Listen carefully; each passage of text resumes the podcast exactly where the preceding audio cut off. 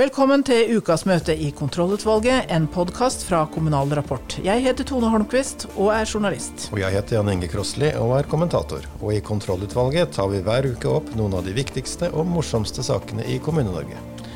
Kontrollutvalget har vært på befaring i Midt-Telemark. Rånebygda Bø er blitt landskjent gjennom TV-serien Rådebank. Hit dro statsminister Erna Solberg og distriktsminister Linda Hofstad Helland for å lansere ikke mindre enn tre politiske distriktsstrategier. Det pågår en byrådskrise i Oslo. Hans Petter Saksi, professor emeritus ved Nord universitet, kommenterer Oslo spesielt og parlamentarisme generelt. Regjeringens unge distriktspanel er en fast sak på vår dagsorden. Vi spør hva skal til for at unge ble boende i bygda. I dag svarer Nicola Bileska fra Averøy i Møre og Romsdal.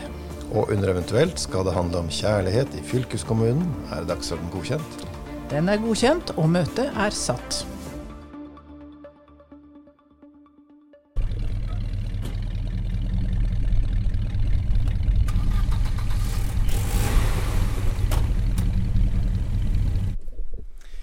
Rånerne i TV-serien Rådebank har gjort eh, Bø og Bøgata landskjent og superhipt i Distrikts-Norge. Er det derfor dere har lagt lanseringen av regjeringens distriktsstrategier hit?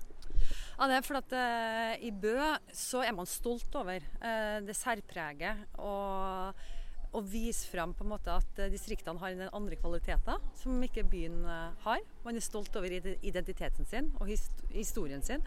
Og det er viktig å få frem, fordi det er ofte sånn at distriktene blir framstilt med å stå med lua i hånda. Og det er helt feil bilde av Distrikts-Norge. Fordi i Distrikts-Norge så er det fantastiske ressurser, både menneskelige og fra naturens side, som vi er så privilegert med å ha. Så framover så kommer jo Norge til å være veldig avhengig av de arbeidsplassene som distriktene gir oss. Dere har lagt fram tre distriktspolitiske strategier. Det var voldsomt. Kan du si kort hva de heter, og de, hvorfor dere har lagt fram tre forskjellige? Ja, og det er fordi vi ser at altså, Norge er så mangfoldig. Og det blir Eh, sånn som vi har på en måte drevet distriktspolitikken siden 50-tallet og tenkt liksom at de samme virkemidlene skal gjelde for hele landet stort sett. Det har jo ikke gitt de beste virkningene. og Vi ser jo at det er en sentralisering som foregår over hele verden. Det gjør det også i Norge, selv om vi er et av i hvert fall Nordens minst sentraliserte land. Så vi ønsker å tenke litt annerledes. og Vi tar utgangspunkt i de eh, konkurransefortrinnene som de ulike delene av Norge har, og bygge på dem. Ta i bruk de mulighetene som finnes der for å skape arbeidsplasser. Folk må ha en, bo, eh, en jobb for å bo i distriktet. Eh, og så må vi fra myndighetenes side legge til rette for at den veksten og utviklinga skjer, så at folk har lyst og vil bo rundt om hele Norge. Bø er vel i småbykategorien. Hva er det som eh, kjennetegner de spesielt, og hva kan de bidra med? De liker jo også, å kalle seg bygda her, da, så de er jo liksom litt av alt. Men eh, nå har vi en kyststrategi, og så har vi en fjell- og innlandsstrategi.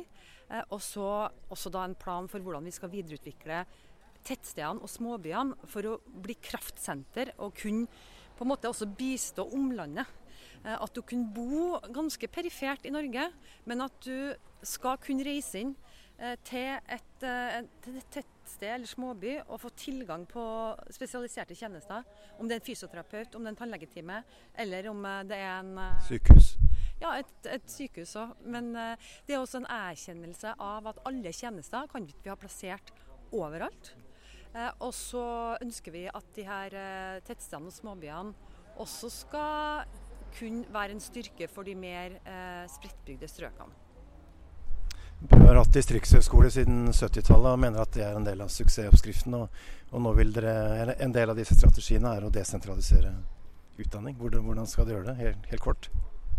Ja, Vi etablerer et eget distriktsprogram fordi vi ønsker å koble da de behovene som bedriftene i de ulike distriktskommunene har, tettere til utdanningsinstitusjonene. At de skal ha muligheten til å etablere utdanningstilbud ut ifra det behovet som er lokalt. Vi ønsker at det skal kunne søkes midler på uh, fra næringslivet til utdanningsinstitusjonene til å etablere utdanningsaktiviteter. Så uh, i alle de møtene jeg har med distriktskommunene og aktører rundt om i Norge, så pekes det på behovet for desentralisert utdanning, uh, og det leverer vi så til de grader på. Statsministeren drar til Bø for å kaste glans over regjeringens eh, distriktspolitiske strategier. Her har valgkampen begynt nå?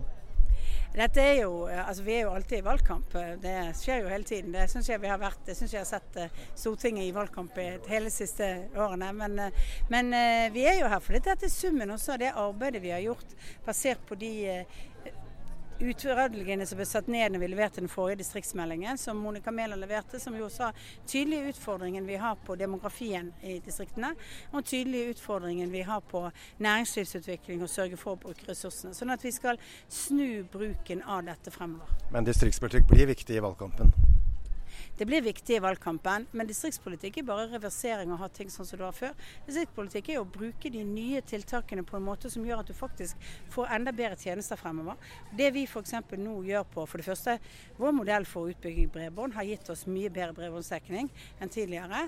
I tillegg så har vi jo nå laget hele 5G-opplegget sånn at vi faktisk skal sørge for at alle får bredbåndsdekning, og at vi har 5G på et høyt nivå i hele landet. Men åtte år med sentralisering, sier de rød-grønne. Hva, sier du til det? Under din regjering? Det er jeg uenig i. Vi har massevis av desentralisering til hver enkelt av oss. Veldig mye av det vi har gjort med digitalisering eh, bidrar jo til at hver enkelt av oss får tjenestene våre mye mye nærmere. Og vi har økt i kommuneøkonomien, som har vært bedre i vår periode enn den rød-grønne perioden. som har gjort, Og det, det, henger jo sammen, dette. Når vi eh, moderniserer i staten, Sant? Å få færre ansatte, mindre byråkrati i staten, så er det for å få rom til å bl.a. øke i kommunene. Sørge for at kommunene kan levere eh, tjenester eh, til en større eldre befolkning, til de som trenger det, sårbare grupper. Sant? Så det henger jo sammen med det vi alltid har sagt. Vi skal ha mindre papirflytting, og vi skal ha mer tjenesteyting i det offentlige. Og det er det som skjer i denne omleggingen. Ja, Siri Blikkfeldt Dyland, ordfører i Midt-Telemark kommune fra Senterpartiet. Ja, er vertskap for statsministeren i dag eh, og blir framhevet som en suksesshistorie i distriktspolitikken. Hva, hva, har dere gjort riktig? Vi har nok både kreative folk her, men det er også noe med at det har blitt gjort en satsing i Bø. Vi fikk jo på 70-tallet en distriktshøyskole som nå er blitt universitet. Og det har skapt både arbeidsplasser og et yrende studentliv. Men dere må ha greid å bruke den utdanningsinstitusjonen bedre enn andre, kanskje? da, for for å holde på folk. for det øker jo, det er befolkningsvekst. Jeg tror det er viktig denne miksen mellom privat og offentlig. og at eh, Du ser jo bare sånn som at noen har tort å lage et Bø sommerland inne i skogen. Det er veldig kult. Så jeg tror det er synergier mellom det private og det offentlige.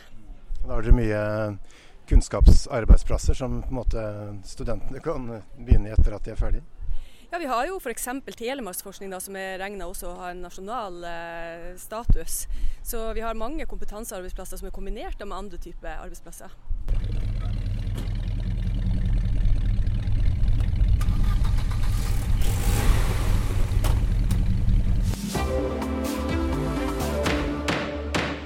Det har vært byrådskrise i Oslo. Byrådsleder Raimond Johansen stilte seg bak sin miljøbyråd Lan Marie Berg, og gikk av da flertallet i bystyret vedtok mistillit.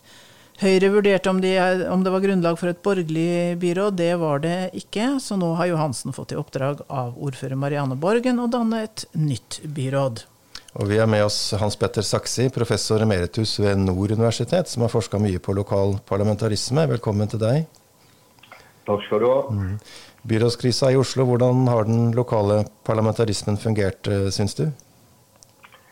Eh, Evalueringa av eh, parlamentarisme i kommuner og fylkeskommuner den viser at resultatene ikke er entydig gode. da.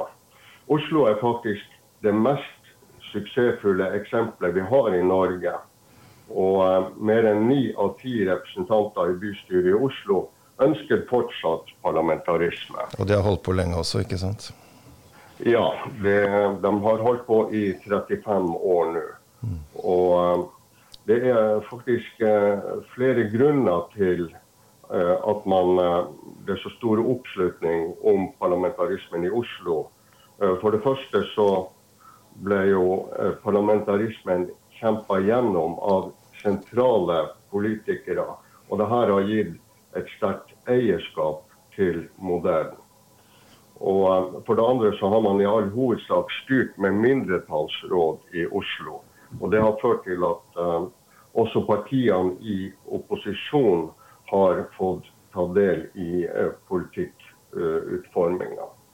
Uh, hvis vi imidlertid ser på Tromsø kommune, som innførte parlamentarisme i 2011, så overlevde dette systemet bare i fem år før det ble avvikla. For det var for, det var for stor splittelse bak ønsket om å innføre det, ikke sant? Man bør, ja, man bør være nokså enige hvis man går til det skrittet?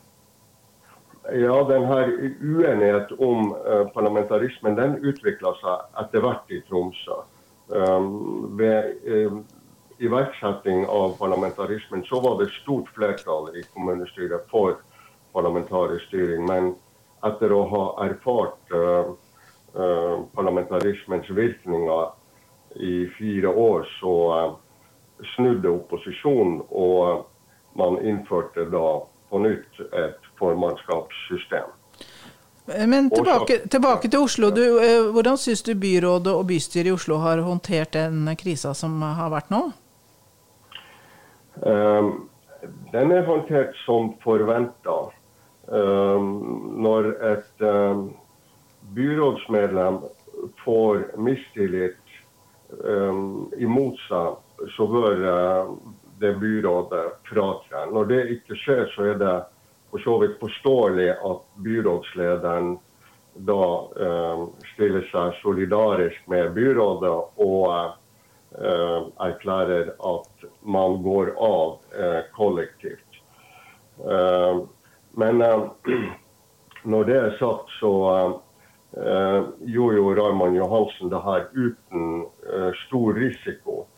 Eh, og det viser seg jo nå også at man eh, eh, kan danne nytt byråd som antagelig blir temmelig identisk med det gamle. Og man har samme byrådserklæring som tidligere. Så man har signalisert og Jeg tror, jeg tror faktisk uh, Raymond Johansen kommer styrka ut av det her. Ja, og Det er ryddig, ryddig håndtert uh, i det store og det hele? Ja, det er håndtert som forventa. Parlamentarisme som styringsmodell har jo vært en mulighet for kommunene, alle kommuner siden 93, men fortsatt er det bare Oslo, og Bergen eh, og noen fylker da, som, som, bruker den. Hvorfor, er den så lite populær, denne modellen? Ja, jeg tror eh, en årsak i det her er at eh, Norge er et rikt land. Det er relativt god økonomi i kommunene. Og det betyr at man kanskje ikke går på en så radikal løsning som å innføre parlamentarisme. da. Uh, At det er litt lavt konfliktnivå fordi de har nok penger, på en måte? Ja, relativt sett. Uh, så uh, altså Hvis man hadde virkelig hadde økonomisk krise i Norge, så ville det kanskje åpna et rom for å gjøre radikale endringer. For det andre så tror jeg også at det, det er en god del usikkerhet knytta til hvordan parlamentarismen eh, faktisk fungerer i kommunene. Og eh, evalueringene er absolutt ikke entydig positive når det gjelder eh, effektene av parlamentarisk styring. Hva er den viktigste fordelen og ulempene ved lokal parlamentarisme?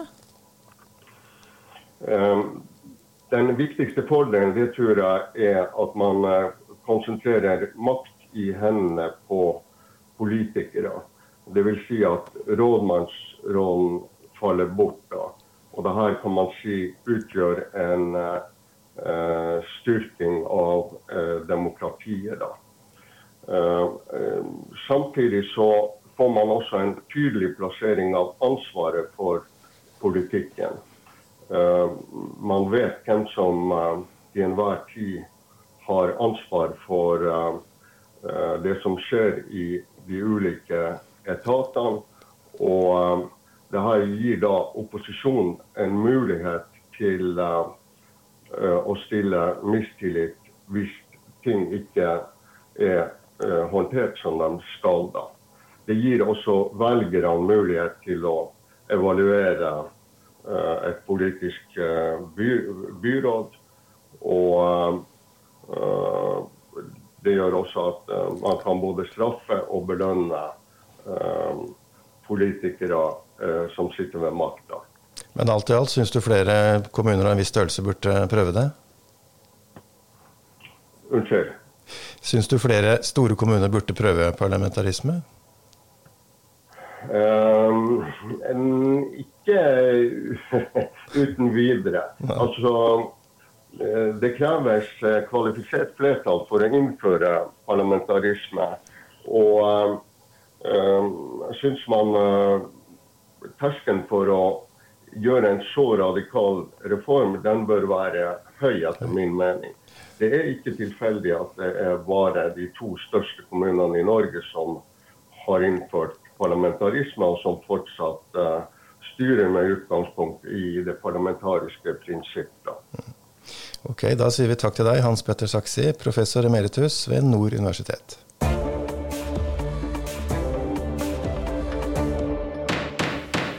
Fast post på kontrollutvalgets dagsorden er samtalen med ungdom i distriktene, nærmere bestemt de som har vært med i regjeringens distriktspanel. I dag har vi med oss Nicola Bileska fra Averøy i Møre og Romsdal. Velkommen. Hei, tusen takk. Eh, Nicola, du er jo bare 16 år. og Hvordan kom du med i regjeringens eh, distriktspanel? Altså, det var jo egentlig ganske spontant. For jeg var med i ungdomsrådet, og så fikk jeg tilsendt en link om et panel. Og så leste jeg meg litt grundigere igjennom. Så jeg tenkte at det kanskje kunne vært litt spennende å vært med på noe som påvirker litt større kraft. Ja. Så jeg sendte inn en søknad, og så ble jeg ringt opp. Og så var det ganske mange telefonsamtaler. Og så var jeg så heldig nok til å bli med. Var det gøy? Ja, det var kjempegøy. Det var jo ganske spennende, og det var ganske mye arbeid som skulle til. Mm. Hvor folk bosetter seg handler jo mye om jobb, og hva tenker du? Vil du bli på hjemstedet hvis du tilpasser utdanninga til, til hvor du skal bo? Ja, og så syns jeg at det ser ganske bra ut. For det er ganske mye som utvikler seg i riktig vei. Og så ser vi at flere og flere plasser har lagt til rette for bedre utdanning. Men så er jo også mange gutter vi ser da, i utdanningslinjene som ikke er så positive. Det er jo litt annen sak, da. Men hva, Men- hva tenker du, det- hva skal du gjøre da? Altså, jeg mener at eh, Vi ungdommene bør det si hva vi mener, og hva som er viktig for oss. For de voksne kan ikke på en måte se inn i tankene våre og vite hva vi syns er viktig. Mm. Så det er veldig viktig at ungdom faktisk bryr seg og faktisk sier hva de tenker, da, og hva som er viktig for dem. Da er du jo enda ung, da, men hva, hva slags utdanning ser du for deg å ta? Nei, og så Jeg ser for meg jusutdanning. Mm. Det blir ganske lang studie, og det blir jo ganske langt unna. For det, de meste mulighetene er jo i Bergen, så det, vi ser jo hybel og sånn. Mm. Men du håper Men å kunne komme tilbake igjen da etterpå? Ja, jeg håper at jeg finner meg jobb i nærheten som er bra, da. Jurister trengs overalt. Ja. Mm. hva sier skolekameratene dine da? Eh, hva tenker de om å bli på Averøy? Og så ganske mange har jobber som på en måte er i nærheten. Eller de vil ha jobber som er i nærheten. Så det ser ganske klart ut med at ganske mange kommer til å bli her. Kanskje noen kommer til å flytte i Kristiansund, for vi kan jo ikke tenke at alle vil bo på bygda. Det er noen som blir rett i byen. Mm. Men jeg håper det at flest mulig blir på Averøya. Men hva er viktig, bortsett fra jobb, for at unge skal trives og, og bo på et sted i Det er distriktene? jo så klart ta samferdsel og sånn, for det er ikke alle ungdommer som har bil, eller foreldre som kan kjøre dem. Så det er ganske viktig at vi har muligheter til å komme oss fra andreplassen og andreplassen. For det er jo ikke så lett å alltid ha skyss, eller alltid ha lappen. For det er ikke alle som tar mopedlappen heller, da. Hvor langt er det til Kristiansund eh, fra dere? da? Også, Er det nærmeste for meg- byen? For meg så er det ganske nærme, for jeg bor ganske nærme tunnelen. Jeg bor sånn ti minutter unna. Men det er noen som bor ute i øyene hvor det nesten ikke går buss. Så vi ser jo problemene der òg. Så jeg mener at vi burde satse ganske mye på kollektiv framover. Nettopp. Eh, Regjeringa har lagt fram sin eh, strategi for eh, distriktspolitikken. Du som har sett litt på det, hva syns du om det? Jeg syns det egentlig ser veldig flott ut. For de har jo tilrettelagt rådene våre. Det kommer jo til og med på slutten av de har sett på rådene fra distriktspanelet. De tilrettelegger jo veldig mye på jobb og utdanning, og det, det må faktisk være i nærheten. Og så har de jo tre forskjellige strategier. Så jeg syns det er veldig bra at de har ting som er tilpassa forskjellige plasser. Mm. For vi ser jo at ikke alt kan virke på Averøya og, på, og ute i Alta-området f.eks. For det er jo så store forskjeller etter hva som er, trengs den plassen, og hva som er bra. Så ungdomspanelet er blitt lytta til. Det høres jo bra ut. Da sier vi takk til Nicola Beleska fra Averøy.